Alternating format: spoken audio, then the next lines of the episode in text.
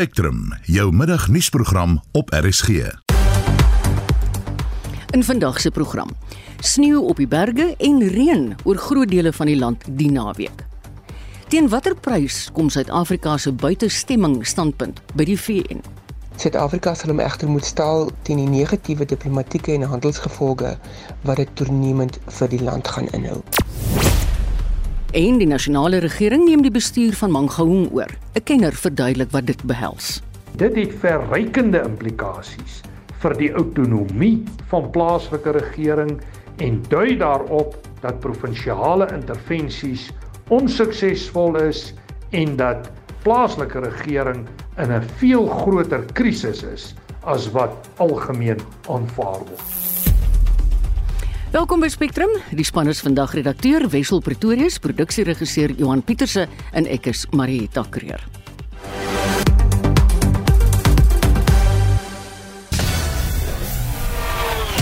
'n Bestendige begin deur die Proteas in Kleiberga waar Suid-Afrika vandag eerste kolf op dag 1 van die tweede toets teen Bangladesh. Tiger Woods kom goed deur die eerste ronde van die Meesters. Hy slegs 4 houe agter die voorloper Sungjae Kim van Suid-Korea en 'n tweede Noord-Suid derby binne 'n week wanneer die Stormers môre teen die Bulle te staan kom. 'n Volledige bulletin volg net na 0.30. Op sosiale media is die belangrikste en gewildste gonswoorde diepsloot en foreigners. Dit volg na die gewelddadige betogings in Diepsloot die afgelope week.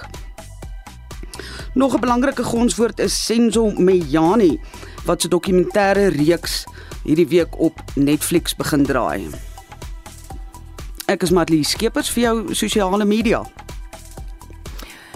In Kanada sal daar van Maart 2023 die opsie vir mense met geestesongesteldhede wees om die dood met mediese hulp te kies indien hulle ondraaglike sielkundige pyn ervaar. Net soos dit tendens internasionaal is om die opsie van die dood aan mense met terminale siektes soos kanker beskikbaar te maak, so kan Kanadese wat aan depressie, bipolêre verstoring of posttraumatiese stressindroom ly, voortaan ook die dood as 'n uitweg kies. Wat is jou mening, jy as luisteraar, se mening oor hierdie saak? Stuur gerus vir ons 'n SMS na 45889, gewone prys van R1.50, of jy kan saamgesels op die Monitor Spectrum Facebookblad.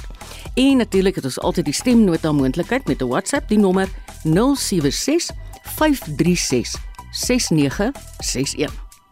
Spectrum, jou middagnuusprogram op RSG. 8 minute oor 12. Die Mangaung Metro in Bloemfontein is deur die kabinet onder nasionale administrasie geplaas. Die metro is aanvanklik in Desember 2019 onder provinsiale administrasie geplaas nadat hy versuim het om 'n finansiële herstelplan in werking te stel. Na 2 jaar is die herstelplan steeds nie geïmplementeer nie. Die besluit is aangekondig in dieselfde tyd dat president Cyril Ramaphosa sy tweede presidensiële imbizo om dienslewering te verbeter in Mangaung Metro gaan hou.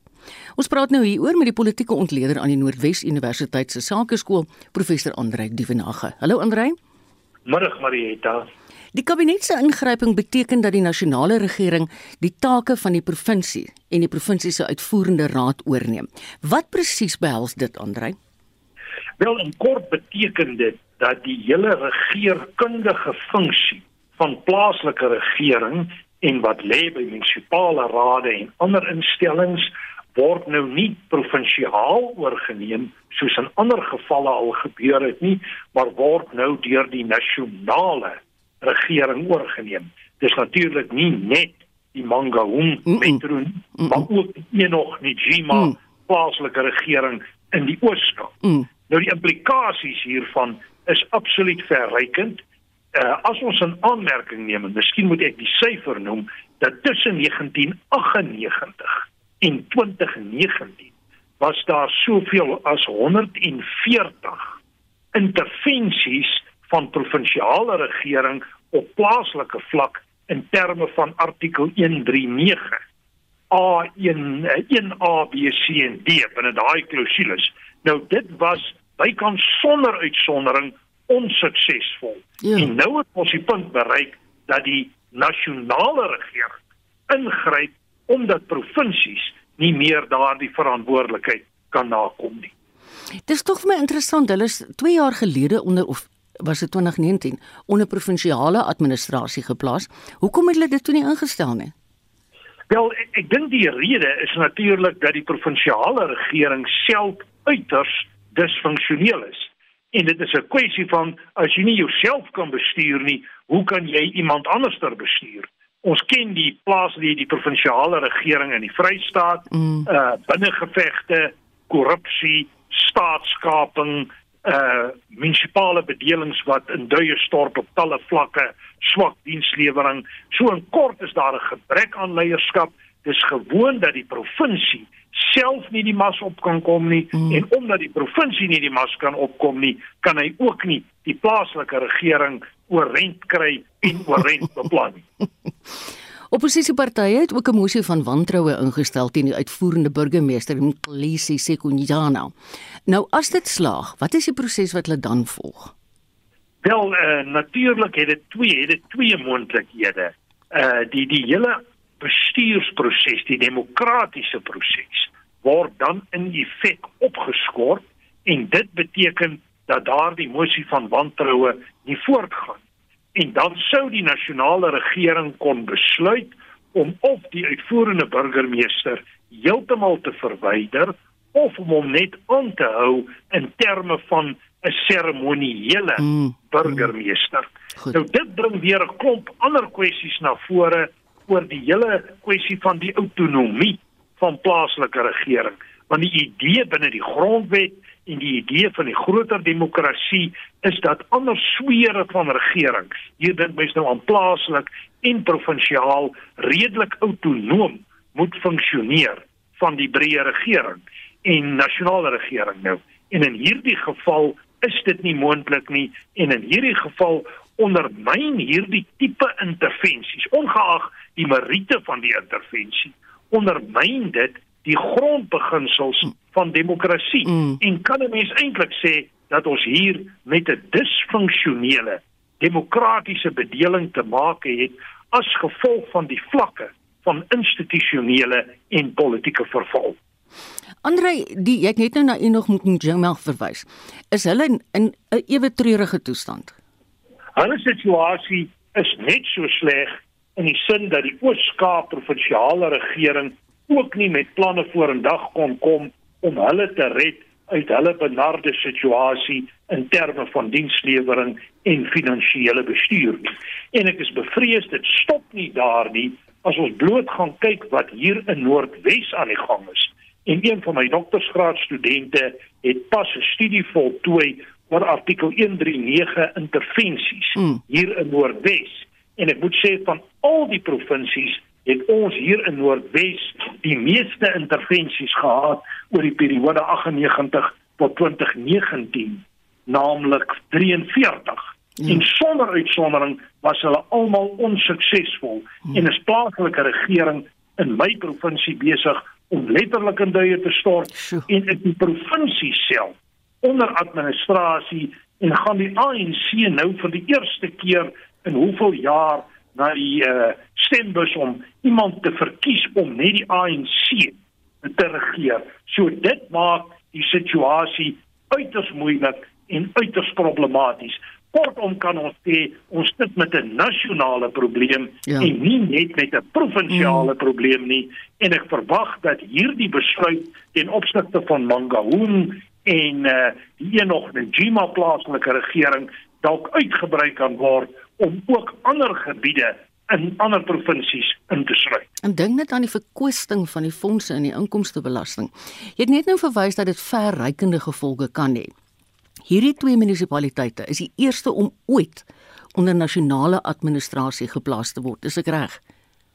Jy is reg, dit is die eerste wat op daai vlak uh, hanteer word. In daai sin is dit 'n waterskeidingsbesluit. Mm. En dit is ook 'n aanduiding van die die vlakke van institusionele politieke verval wat ons het op die vlak van plaaslike regering.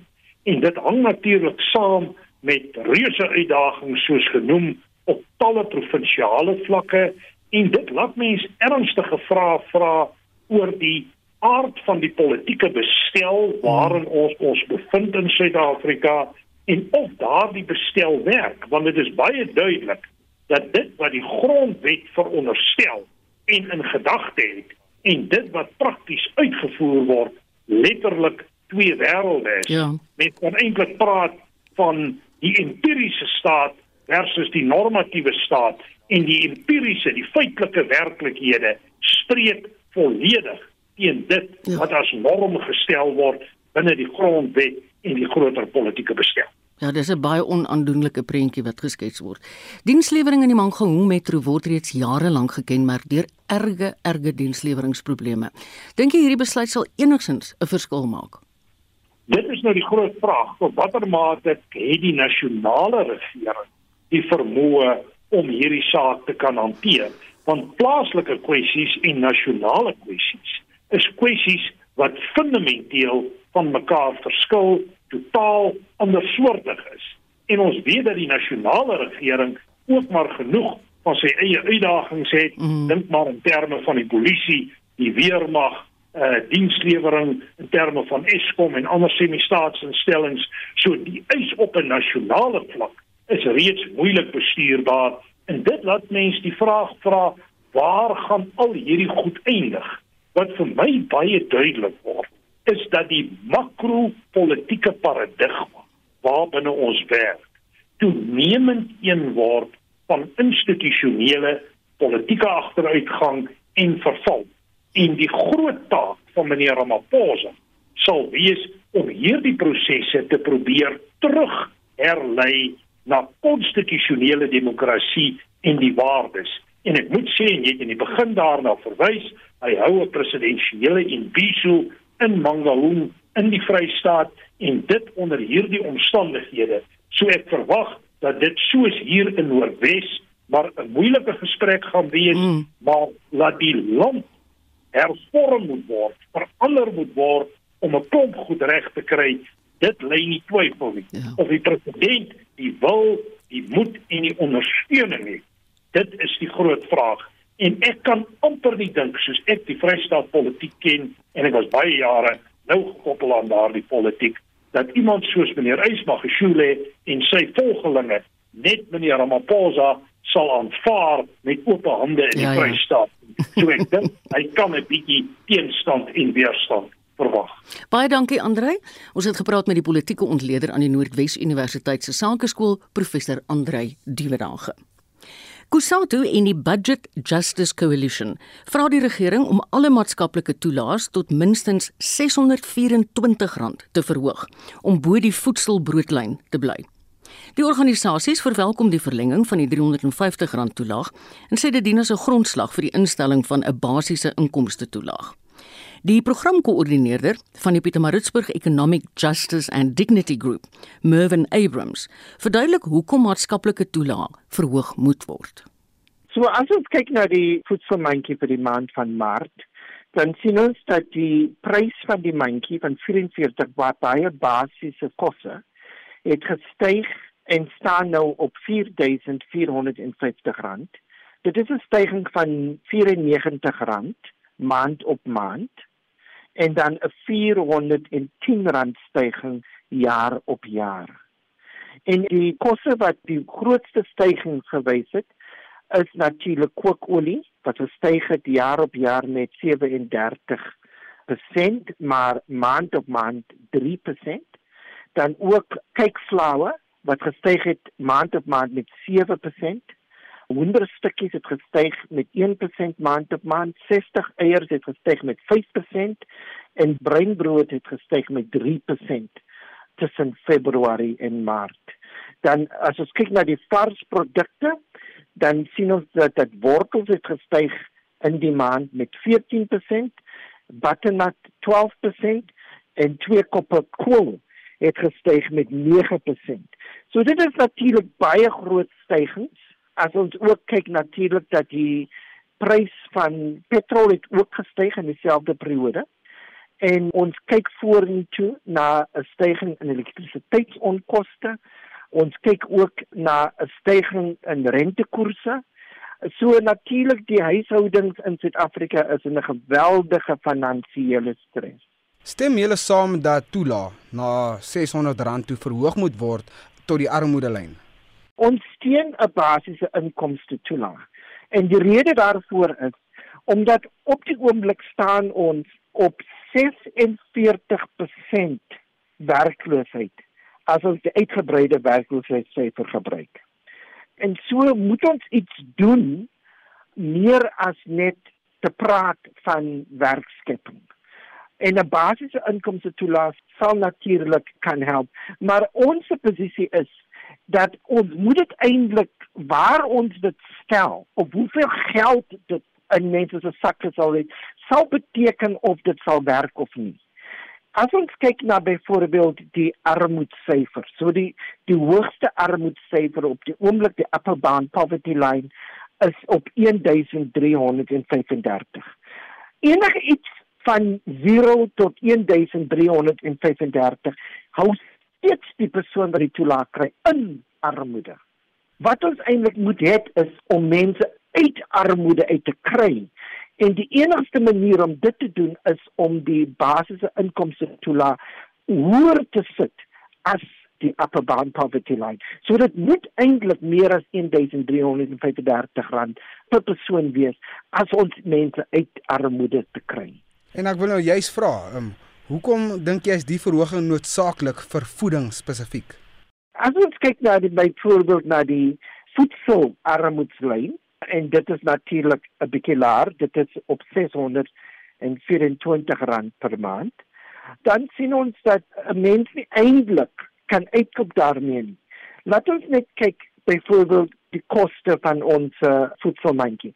So die voedselmandjie staan op 4450 rand as ons kyk byvoorbeeld na die nasionale minimumloon dan sien ons dit staan op 4081 rand maar dit moet eintlik deur die huishouding versprei word. So daardie een loning moet eintlik vir 4 persone voorsien. So dan kom ons eintlik uit met 'n getal van R971. Nou daai R971 moet betaal vir elektrisiteit. Dit moet betaal vir vervoer, dit moet betaal vir onderwys en dit moet betaal vir kos. So dit eintlik sal dit nie werk nie. Mervin Abrams, die programkoördineerder van die Pietermaritzburg Economic Justice and Dignity Group, en hy het met Vincent Mofokeng gepraat. Jy is ingeskakel op RSG, jy luister na Spectrum is 23 minute oor 12. Suid-Afrika was een van 58 lande wat gisteraan tydens 'n stemming van die Verenigde Nasies se Algemene Raad oor 'n strafmaatreël teen Rusland buite stemming gebly het. Rusland is met 'n meerderheidsstemme van 93 uit die VN se Menseregte Raad geskort weens beweerde menseregte vergrype en oorlogsmisdade in Oekraïne. Altesaam 24 lande wat China, Sirië, Noord-Korea en Iran insluit, het teen die resolusie gestem. Suid-Afrika het voor die stemming gesê hy glo dat so 'n resolusie voortydig is. En nou spraak nou met die politieke ontleder verbonde aan Unisa professor Joansi van Wyk. Hallo Joansi. Goeiemôre Marita. Hoewel Suid-Afrika buitestemming gebly het, het die ambassadeur, Lisa Mabongo, gesê Suid-Afrika veroordeel oorlogsmisdade en steun vredesonderhandelinge tussen Rusland en Oekraïne. Nou wat moet 'n mens hier inlees? Marita, soos wat ons gesien het, is daar tog taamlik 'n uh, frustrasie met Suid-Afrika se posisie. Ons het ons nog nooit uitgespreek teen die Russiese aggressie en die oortreding van die soewereiniteit van Oekraïne nie. Suid-Afrika handhaaf dieselfde standpunt as wat hy uh, gehandhaaf het sedert die algemene vergadering sedert Maart met hierdie saak bemoei geraak het, is dat ons hierdie vaal middeweg kies tussen mediasie, beëindiging van die geveg en natuurlik dialoog. Nou dit is alles goed en wel, maar die kommer daarin is dat ons ons nie ons voet neersit teen Rusland nie en dat ons ehm um, nie Rusland as die aggressor aandui terwyl die hele wêreld dit doen. So terwyl al die state dan nou teen Rusland opstaan en die Russiese optrede ehm um, veroordeel is Suid-Afrika baie ehm um, neutraal in hierdie situasie en ek ek vermoed mense kan dit ook net sê, ehm um, dit hang saam met wat die president ook donderdag vir die hoofde van Suid-Afrika se buitelandse missies mm. ehm um, gesê het toe hulle vergader het is hy het dit beklemtoon dat Suid-Afrika homself in sy onverbonde posisie behou ten opsigte van ons buitelandse beleid, dat ons 'n onafhanklike buitelandse beleid het en natuurlik wat hy genoem het progressiewe internasionalisme. Nou hierdie goed is so wyd soos die Vader se genade, ja, ja. maar ehm um, wanneer dit by Rusland kom, weet ons ons is nie onverbonde nie, ons is nie onafhanklik nie en ons is definitief aan Rusland se kant teen ehm um, die die groter internasionale mening, openbare mening wat ons tans beleef. Jy weet dis nou al die derde keer hoe aansien dat Suid-Afrika buite stemming bly in besluite wat oor Rusland geneem word sedert die oorlog in die Oekraïne uitgebreek het. Dit dui op gelykmatigheid in Suid-Afrika se besluitneming, maar wat is die gevolge? Wat gaan dit ons kos? Ja, dis inderdaad 'n goeie teken dat dit gelykmatig is soos wat jy sê, maar daar is koste. Een daarvan is natuurlik binne-in vir die ANC en dan vir ons buitelandse beleid. Nou as ons as ons net kyk na wat dit vir die ANC gaan beteken.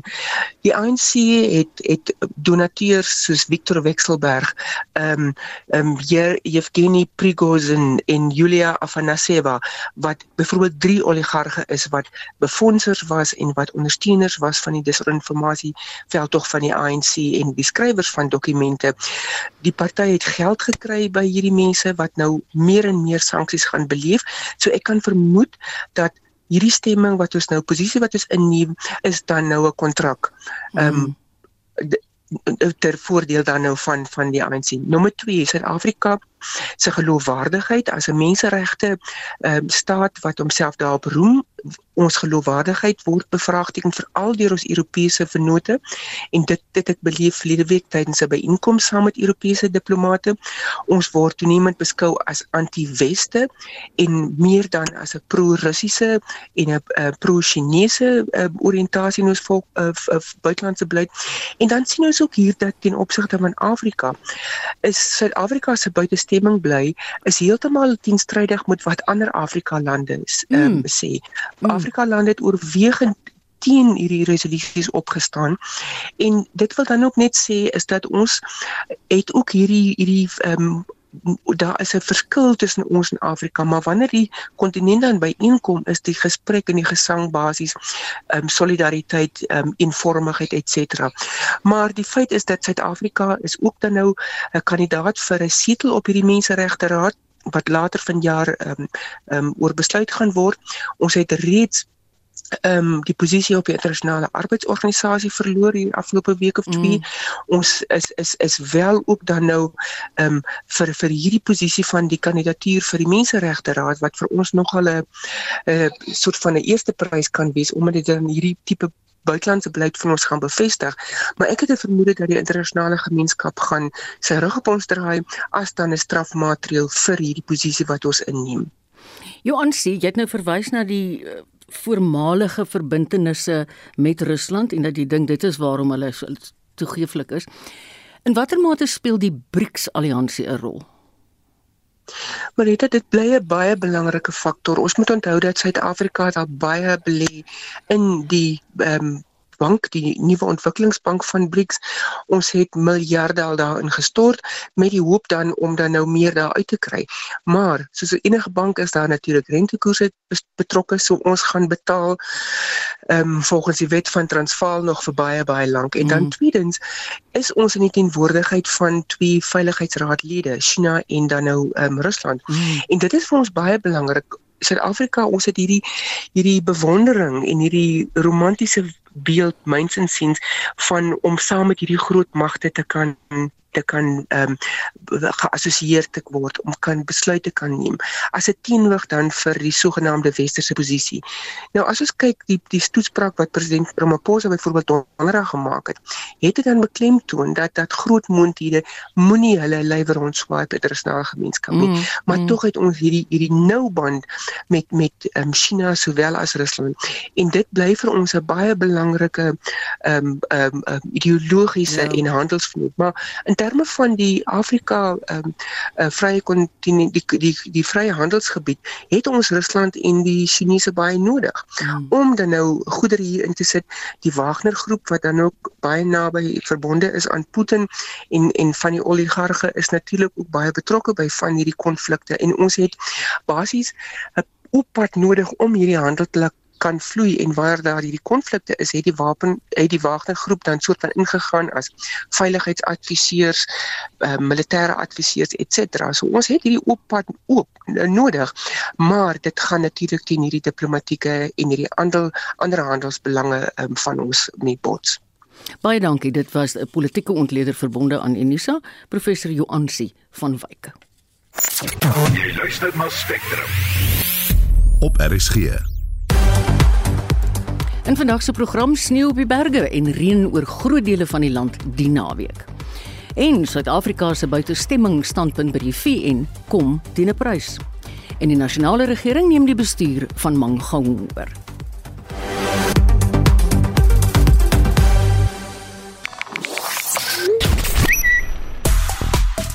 Estie hou vandag vir ons die terugvoer op die brandpunt onderwerp dop. Hallo Estie. Hallo Estie.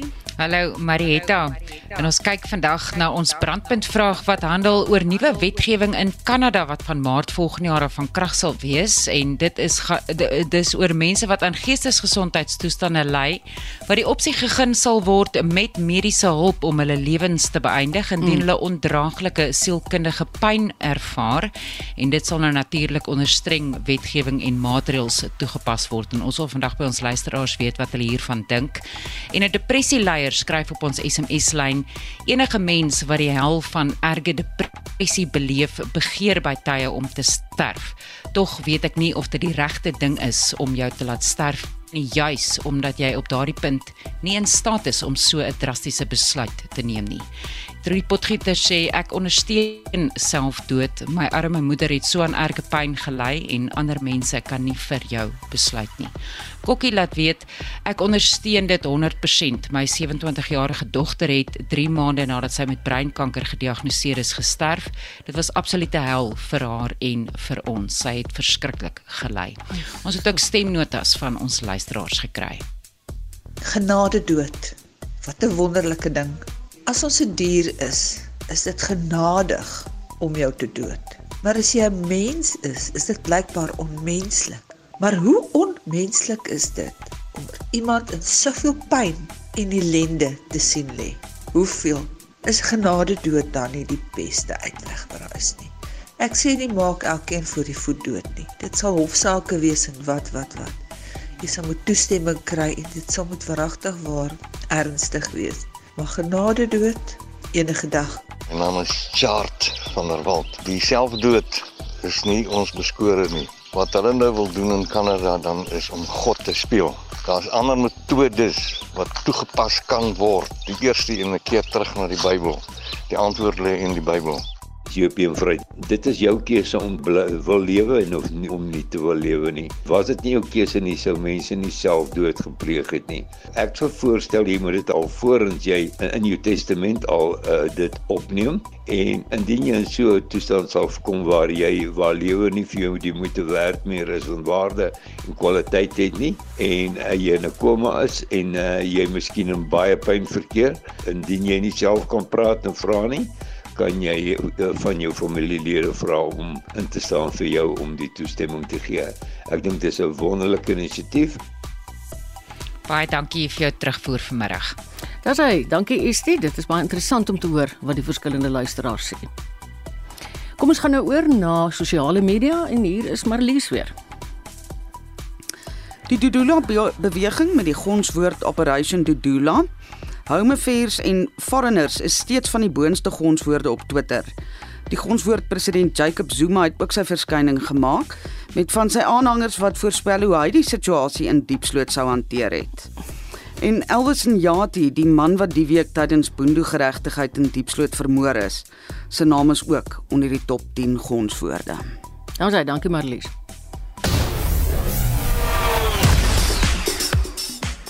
Ja, toetskriket is weer vandag aan die gang en met 'n opsomming van die eerste sessie tussen Suid-Afrika en Bangladesh wat in Kebega plaasvind. Sit ons aan by ons kollega Udo Udo Karls. Hallo Udo. Udo. Legende, goeiemiddag bly om met jou te wees. Kom ons gaan dan direk na die uh, sportnuus toe. Suid-Afrika het die lood gewen vanoggend, besluit om eerste te kom. Die vennootskap om die eerste paadjie goed, maar nie sonder voorval nie. Sarel RW het 'n bal misgespeel en is op die beenskutte getref. Die bowler Khaled Ahmed het gevoel dis uit, maar hy was ook al een gewees. Kaptein Momino besluit om nie te verwys nie en hy moes eintlik mm. van skeieregter Aludin Palekar het hierdie een heeltemal verkeerd gekry. RW en Algar uh, het wel 50 vennootskap aange geknop voor RW uiteindelik uit is. Hy is op tweede glip deur Litten Das gevang van die balwerk van Khaled Ahmed vir uh, 24 lopies van 40 balle. Elger dan uh, hy het aangeskuif na sy 22ste 50 taal toe vanoggend. Uh, hy het ook nou die meeste toetslopies op St George's Park aangeteken van 621 in 9 toetse en steek dan nou ook vir Jacques Callis verby. Die Proteas op 107 vir die verlies van 1 paaltjie, Alger op 59 van 80 balle, Keegan Petersen op 24 van 48 balle. Hulle sal nou uh, in 'n rapsie minder as 4 minute weer kom stelling inneem. Jy weet Oudo na al die bespiegelinge of Tiger Woods 'n volle ronde professionele golf sal kan verduur, het die Amerikaner homself in 'n goeie posisie geplaas na dag 1 in die Masters in Augusta. Augusta.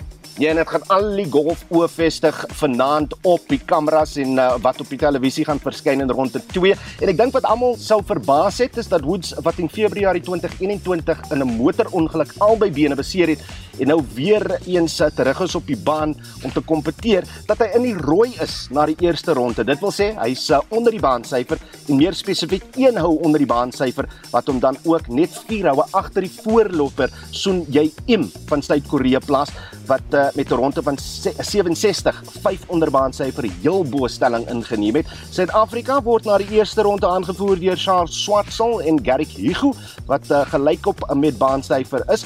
Die dag uh, dis hulle die dag klaar gemaak het. Rondes van 73 beteken dat Christo van Rooyen en Christian Besaidnout net een hou agter hulle is en hulle is met 'n 4 houe oor baansyfer in 'n gesamentlike 70ste plek. Kom ons praat rugby laastens. Ons gaan nou die tweede Noord-Suid derby hierdie week in die Kaap sien uitspeel, né? Nou. Ja, ons sien uit daarna en dis nadat die Bulle in die Curriebeeker van dese week vir Westelike Provinsie Kaap gedraf het met 45 punte teenoor 34. Mense in die Kaap is ontstoke soos ek sê. Uh die twee kom nou uh, kragte kom nou weer saam teen mekaar in die Verenigde Rugby Kampioenskap. Dis nou môre die wedstryd tussen die Stormers en Bulle skop 2 uur in die middag af en hierdie keer uh, suid van die Jukskei in Kaapstad. Nou die Stormers se tans in 6ste plek, net voor die Bulle in 7de plek in die uh, VRK se punte leer. Oorwinning vir albei is van kardinale belang. Later die dag pak die Sharks ook uh, op tuisbodem die, die Lions aan en die Sharks rond die Suid-Afrikaanse trio wat in die kompetisie se top 10 sit. Hulle is in 8ste plek op 41 punte terwyl die Lions in 12de plek sit op 30 punte. Baie dankie Oudo geniet die res van die dag se cricket. Ek weet jy lewer kommentaar. Dit was kollega Oudo Karelse. Die Suid-Afrikaanse Kamer van Handel en Nywerheid het vandag sy sakevertroue indeks vir Maart bekend gemaak. Ons praat nou hieroor met die ekonom Richard Downing. Goeiemôre Richard. Goeiemôre Marieta. Die indeks het verbeter in die eerste kwartaal, maar toe sak hy nou weer terug in Maart maand. Wat was die redes hiervoor? Ja nee, die maartmaandsyfer wat ons sien is 'n uh, eh, ietwat van 'n terugsakking, maar dit is maar baie te doen eintlik met die ek dink die eerste maande van die jaar het ons gesien die uh, die COVID inperkings en die regulasies is iets wat vir versag en dit gehelp om die ekonomie en die sakeomgewing 'n bietjie positief te beïnvloed. En in Maart maand het ons nou weer te doen eintlik hier van die einde van Februarie af met die Russiese Oekraïne mm, situasie mm. en dit het nou toestel weer versleg en onsekerhede geskep in die wêreldekonomie en wat ook nou deurgesyfer het na Suid-Afrika op 'n indirekte manier tot dusver en ek dink ons gaan nog 'n redelike rukkie met daai probleem ja. sit en dit het nou veroorsaak dat die indeks weer teruggesak het. Richard, die ramptoestand is nou opgehef. Dink jy dit gaan 'n groot invloed my? Wel dit lyk so asof dit in die begin van die van die jaar net die verslapping daarvan het natuurlik invloed gehad, maar die ramptoestand het verskillende baie skade in die ekonomie verrig en ek dink, weet mense praat nou oor werkloosheid, ek hoor julle net nou daar gesels en van inkomste toelaas en goed, mm. maar ek dink een van die grootste skades wat aangerig is is eintlik in die klein saak omgewing waar vir al die middelklas uh in inkomme groepe eintlik 'n soort van 'n lewe gemaak het en natuurlik baie van die van jou lae inkomste groepe is afhanklik van werk veral in hierdie uh um, um, middelklas omgewing en dit is eintlik een van die groot oorsake waarmee mense sit wat jy doen het. En dan natuurlik jy het ook gepraat oor die openbare sektor in Suid-Afrika wat tot 'n groot mate disfunksioneel is. En ek dink dis ook een van die groot uh, redes hoekom ons ekonomie uh, sit wat sukkel aspekte soos die globale probleme rondom Oekraïne en COVID en so na voor dan is ons nou baie swak posisie eintlik om hierdie goed te kan hanteer. Maar Richard, die ekonomie van Rusland en Oekraïne is tog nie groot handelsvennote van ons land nie. Hoekom speel dit so groot rol? Ja, nee, ek meen dit uh Ons het nou gehoor, jy weet, julle het ook gepraat daaroor dat dit dalk meer ander soort van redes, politieke redes en soort van visualisering van hoe dit in die verlede was en daai tipe van ding, maar jy heeltemal reg. Ek meen hy verre so handel met eintlik die uh, die westerse ekonomie baie groter vir al wat beleggings betref. Eintlik dit nou kan mense nalat eintlik om te praat van van China self. Ek meen in terme van die beleggings in Suid-Afrika, ja. veral direk beleggings so die die rede vir hierdie soort van romantiese romantisering van die situasie rondom wat in Rusland gebeur het in die verlede dalk het meer te doen met ander sake as met ekonomiese sake mm. en dis waarmee ons te doen het ongelukkig om so onderhandel ons het eintlik handelskorte met albei lande met Rusland en met uh, en met uh, Oekraïne so met ander woorde ons voer baie meer in van hulle as wat ons uitvoer ja. na So dit is nie eens dat ons voordeel tot 'n groot mate. Maar kyk dat dit 'n beduidende rol gespeel het op die Brent olieprys. Seker, ek weet dit is waar ons probleme en ons gaan dit ontstaan nie en, eh, en ek dink jy weet ek weet julle het ook dalk genoem jy weet dat uh, as assosiasie rondom veral hoe jy hierdie buitelandse en globale probleme hanteer en hoe jy assosieer het baie te doen met hoe jy gesien word as 'n stabiele van ekonomiese krag in die in die wêreld. En op die oomblik ek meen wat nog snaaks is ons verhoudinge, ekonomiese verhoudinge met die Westen is baie sterker eintlik as met as met die lande selfs in die BRICS en uh die BRICS groep tot die maart het ons het om beskuld al aangegaan aan en op daai manier ons hulle ontwikkeling betrokke geraak. Dan het ons hierdie groot ekonomiese voordele juist wat ons gedink het. Mm. Baie baie dankie Richard. Ja, ek moet tog al sê, daar's nie eintlik een onderhoud vandag wat vir ons 'n positiewe prentjie skets nie. Maar dankie, dit was die ekonom Richard Downing. Ja, hier kom nou nog 'n oulike enetjie. Nat en koue weer word vir die naweek oor groot dele van die land voorspel. En die eerste sneeu van die jaar kan val. Ons gesels nou met Wayne Venter, 'n voorspeller by die Suid-Afrikaanse Weerdienste. Goeiemôre Wayne. Goeiemôre, goeiemôre aan al die luisteraars. Waar verwag julle ouens gaan die sneeu val? Ons het die sneeu wat verwag word oor die dra die suidelike Drakensberge daar rondom ehm um, KwaZulu-Natal en die noordoostelike van die Oos-Kaap, maar dit net oor die hoogste bergpieke. Oh. En dan is 'n bietjie sneeu wat ook verwag word in Lesotho. Ehm um, dit is meer Saterdag aand en ja, gedurende Sondag. Goed. Ehm um, ons verwag nie baie sneeu nie, so geen impak of verwag vir daardie mm. area nie, maar daar word 'n bietjie sneeu verwag, ja. Maar as ons vergelyk met ander jare, dis nogal heel wat vroeër. Ek meen ons is nou maar eers in April. Oh ja, maar niet zo lang terug. Ehm um, verlede jaar in maart het ons ons eerste sneeu gehad in die Weskaap. Ehm um, so dit is normaal vir die tyd van die jaar. Ek voel elke keer dat dit ja, nader en nader beweeg gaan somer. Hoorie Wayne, ja, hoe gaan die temperature oor die land lyk die naweek? Ons wag redelike koue temperature val in die sentrale en oostelike dele van die land. Ons verwag temperature in die laat 10e. Mm. Ehm um, oor oor Gauteng, so jy kan maar jou konversie daar uithaal. Ehm um, koud en nat ehm um, oor die sentrale en oostelike dele van die land. So dis 'n lekker koue naweek mm. vir daardie gedeelte. Maar in die weste, Weskaap en die Noord-Kaap is nog heel alright. okay. En hoeveel reën verwag julle waar? Ons het 'n hele paar waarskuwings uit vir Noordwes, die noordoostelike gedeeltes van die Noord-Kaap, gedeeltes van die Vrystaat, ehm um, asook die kusgebiede van KwaZulu-Natal en die die Wildekus van die Oos-Kaap. En dit is maar meer as gevolg van die ja, deurdringende reën wat wag vir die volgende paar dae. Is 3 dae tot 4 dae se reën ehm um, oor areas wat onlangs voede gehad het. Ja. Dit kan probleme veroorsaak, verder probleme veroorsaak veral langs die val ehm um, in gedeeltes van Noordwes. So ons kyk op die oomblik na dit ons het waarskuwings uit vir die hele sentrale binneland. Ehm um, in terme van reën en en, en vloedwaarskuwings. Ja, want is soos jy sê, hierdie onlangse ewige reën het gelei tot geweldig baie oorstromings en skade. Wat veroorsaak dat dit so erg reën en storm? op hierdie stadium eh uh, um, hierdie stelsel is wat ons noem 'n afsny laag mm. en uh, dit is 'n koue boorlagstelsel wat in beweeg van die Atlantiese Oseaan. En hy sit dan nou oor hy beweeg oor Suid-Afrika en dan beweeg hy we gaan hy stadiger beweeg en dan intensief uh, hy word baie intens dan. Ehm um, en dit veroorsaak dan nou die koue nat reën toestande vir 'n hele paar dae en lopende dae. Hmm. Ehm um, voordat dit nou uit beweeg. En ons wag dat dit daarom nou uit beweeg hier rondom Dinsdag, Woensdag. Goed. En watter tipe winter kan die Kaapenaars verwag in vir die winterreënvalstreek? Ja, ons het ehm um, onlangs aan die seisonale eh uh, voorspellings kyk en daar lyk nie daar's nie 'n baie groot kans vir bo normale reënval vir die Weskaap hierdie jaar nie. Ongelukkig volgens ons seisonale voorspellings lyk dit asof dit normaal tot onnormaal onnormale reën kan verwag vir die Weskaap en die Ooskaap hierdie jaar. Daar is dit teenstrydigheid 'n bietjie van ons wag bietjie koue toestande oor oor die land hierdie jaar. So 'n bietjie onnormale temperature vir vir meeste dele hierdie ja. jaar, maar ons wag nie baie reën met hierdie koue weer nie. So uh, dit is nou dan die seisonale voorspelling uit op die oomblik. Baie dankie Wayne, dit was Wayne Venter, 'n voorspeller by die Suid-Afrikaanse Weerbureau. Die sakenuus word aangebied deur Philip Baumgart, portefeuljebestuurder by Sanlam Private Welvaart. Goeiemôre luisteraars. Die mark is so 2.5% laer as laasweek Vrydag en die hoofrede vir die laer mark is die week het ons gehoor van die FSA en die Europese sentrale banke dat hulle meer aggressief gaan wees met rentekoersverhogings om inflasie te probeer styg.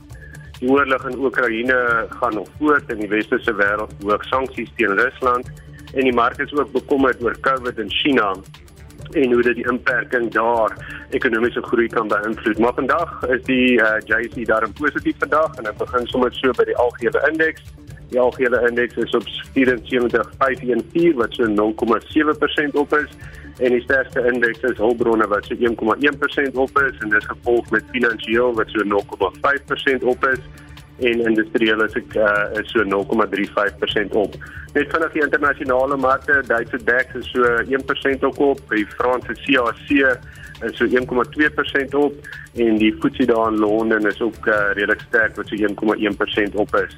Uh, as ons net kyk na die Amerikaanse termynkontrakte en hoe die 500 opmaak, lyk dit of dit positief so 0,2% op gaan wees. Die kommoditeite Brent olie is so 101 dollar per vat, hy is so 1 dollar op. Platinum is so 954 dollar per fyn ons, hy is so 5 dollar op vandag.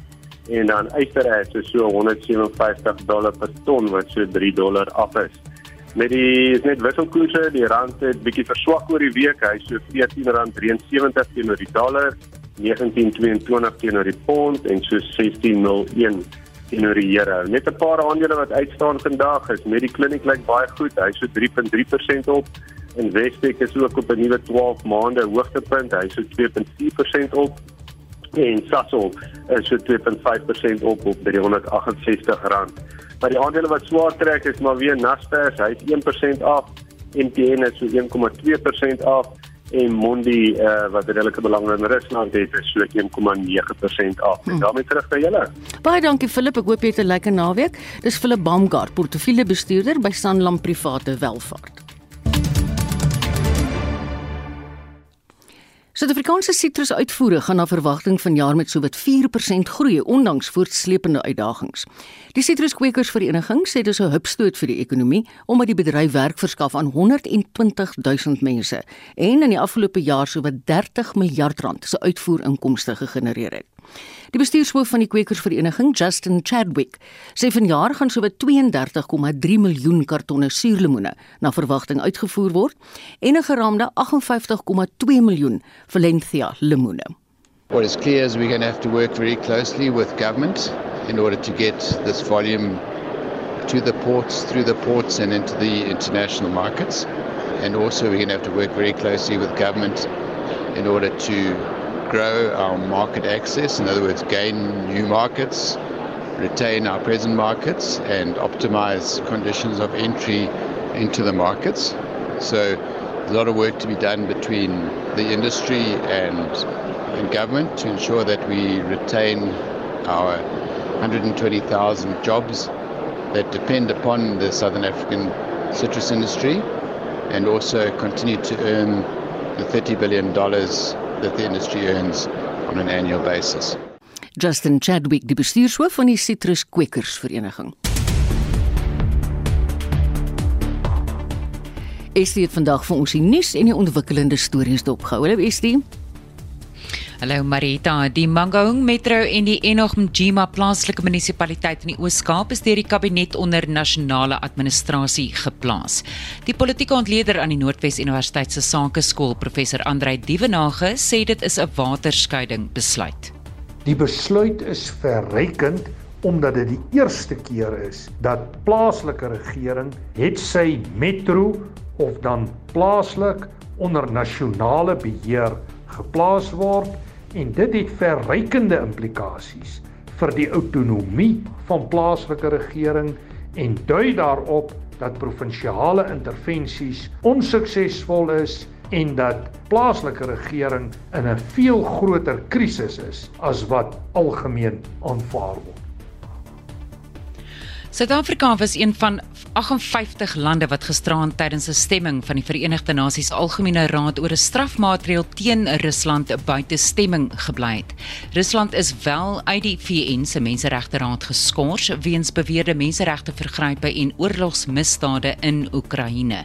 Die minister van internasionale betrekkinge, Naledi Pandor, sê Suid-Afrika glo samesprekings en vredesonderhandelinge is die enigste manier om 'n einde te bring aan die konflik tussen Rusland en Oekraïne.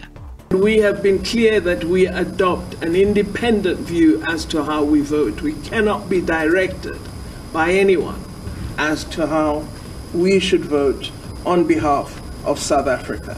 We've promoted peaceful resolution and we've called for dialogue and negotiation, genuine dialogue and negotiation. Maar die politiek Kantleder aan Unisa professor Johansi van Wyk sê Suid-Afrika se standpunt teens Rusland kan gevolge inhou. Sedert die begin van die Russiese oorlog in Oekraïne en in reaksie hierop kan Suid-Afrika se optrede ooglopend ter ondersteuning van Rusland beskou word. Suid-Afrika sal hom egter moet staal teen die negatiewe diplomatieke en handelsgevolge wat dit toenemend vir die land gaan inhou. En hier is vir jou 'n voorsmaakie vir waarna jy kan uitsien in naweek aktueel môre. Op my plaas het ek ses van hierdie sogenaamde war veterans wat ons gewoon politieke boewe noem. People are moving wives and children off of farms into safe places in Aurora and places like that. And you're not only talking about the Morandera area, you're talking about other areas I'm in talking the about the country. What is the other side of the story? Why are you doing this? It is part of our struggle. Remember, we're fighting for land. There is no any other way forward to free ourselves other than forcing things. Are you condoning violence? Hello? Anita Visser bring vir jou 'n diepte storie oor boere in Zimbabwe 20 jaar gelede en nou. En dit was Estie wat vir ons die nuus en die ontwikkelende stories dopgehou het. Met 30 sekondes van die program oor tyd om te groet. Ons uitvoerende regisseur is Nicoline de Wee, vandag se redakteur Wessel Pretorius. Ons het 'n klomp medewerkers gehad. Ons sê dankie vir hulle. Produksieregisseur Johan Pieterse. En daarmee groet ek wat Mariette aan tot 'n bietjie later vanmiddag, maar daar lê 'n eener nuusbulletin voor wat uit die Kaap uit gaan kom. Geniet die res van jou dag saam met RSG.